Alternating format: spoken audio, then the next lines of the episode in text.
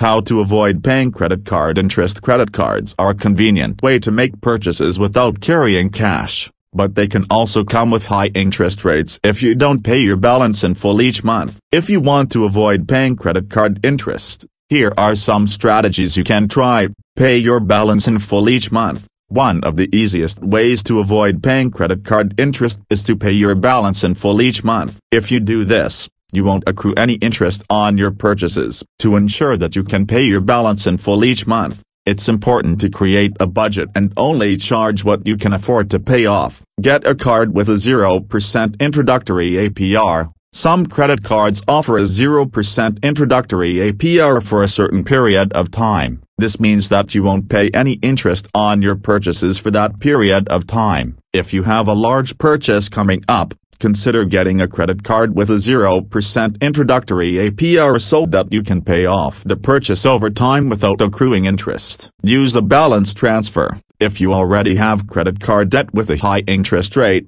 you can transfer the balance to a card with a lower interest rate. Many credit card companies offer balance transfer promotions with a 0% introductory APR for a certain period of time. By doing this, you can pay off your debt without accruing interest. Pay more than the minimum payment. If you can't pay your balance in full each month, it's important to pay more than the minimum payment. By paying more than the minimum payment, you'll reduce the amount of interest you accrue over time. You can use a credit card calculator to determine how much you should pay each month to pay off your balance in a certain amount of time. Avoid cash advances. Cash advances on credit cards typically come with a high interest rate and fees. If you need cash, consider other options like a personal loan or borrowing from a friend or family member. Use credit card rewards to offset interest charges. If you have a rewards credit card, you can use the rewards you earn to offset your interest charges. For example,